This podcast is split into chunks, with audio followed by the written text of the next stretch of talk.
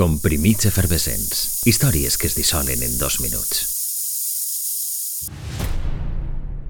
357 episodis de 45 minuts, un capítol de 70, dos telefilms de 90 i un altre més de 135. Si existira la capacitat física i ètica de suportar-ho, comportaria passar-se més de 4 dies sencers sense moure's de la butaca. Protagonitzat pel millor dels malvats de tots els temps, el serial enganxaria tota una generació de telespectadors. Un 2 d'abril s'emetia el primer episodi d'una sèrie llegendària, Dallas.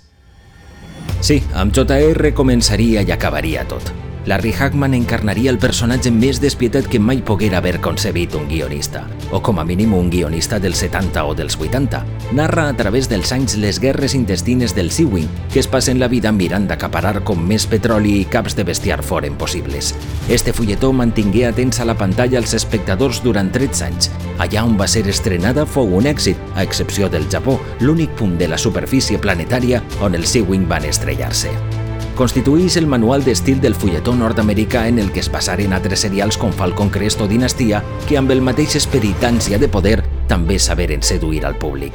Durant tres temporades, Dallas renasqué el 2012 amb el mateix JR, la mateixa Suelen i el mateix Bobby, però el fulletó no superaria la mort de l'actor Larry Hagman.